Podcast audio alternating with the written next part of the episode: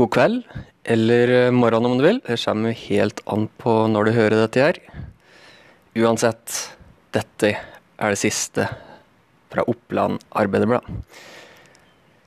Hadelendingen, som er tiltalt for voldtekt, var nær omsorgsperson for jenta som skal ha blitt utsatt for uh, overgrepene.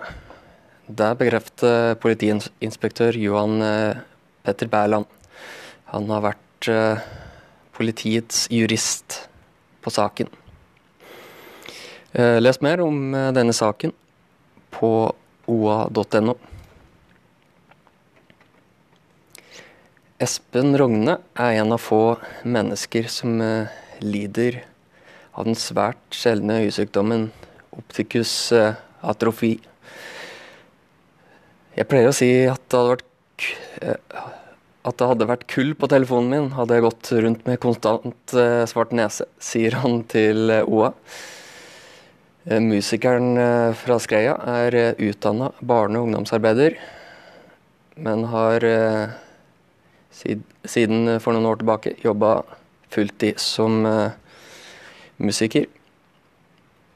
Nedsatt syn plaga mitt nevneverdig i hverdagen. I sin nye bok hevder Størk Hansen at han ble pressa ut av jobben etter nærmere 50 år ved Hunton.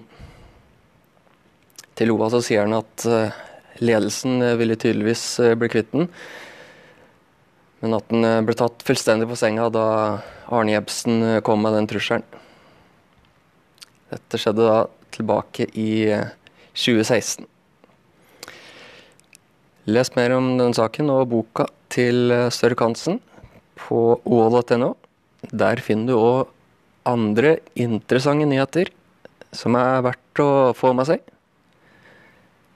Ha en fortsatt god dag. Vi tar tales.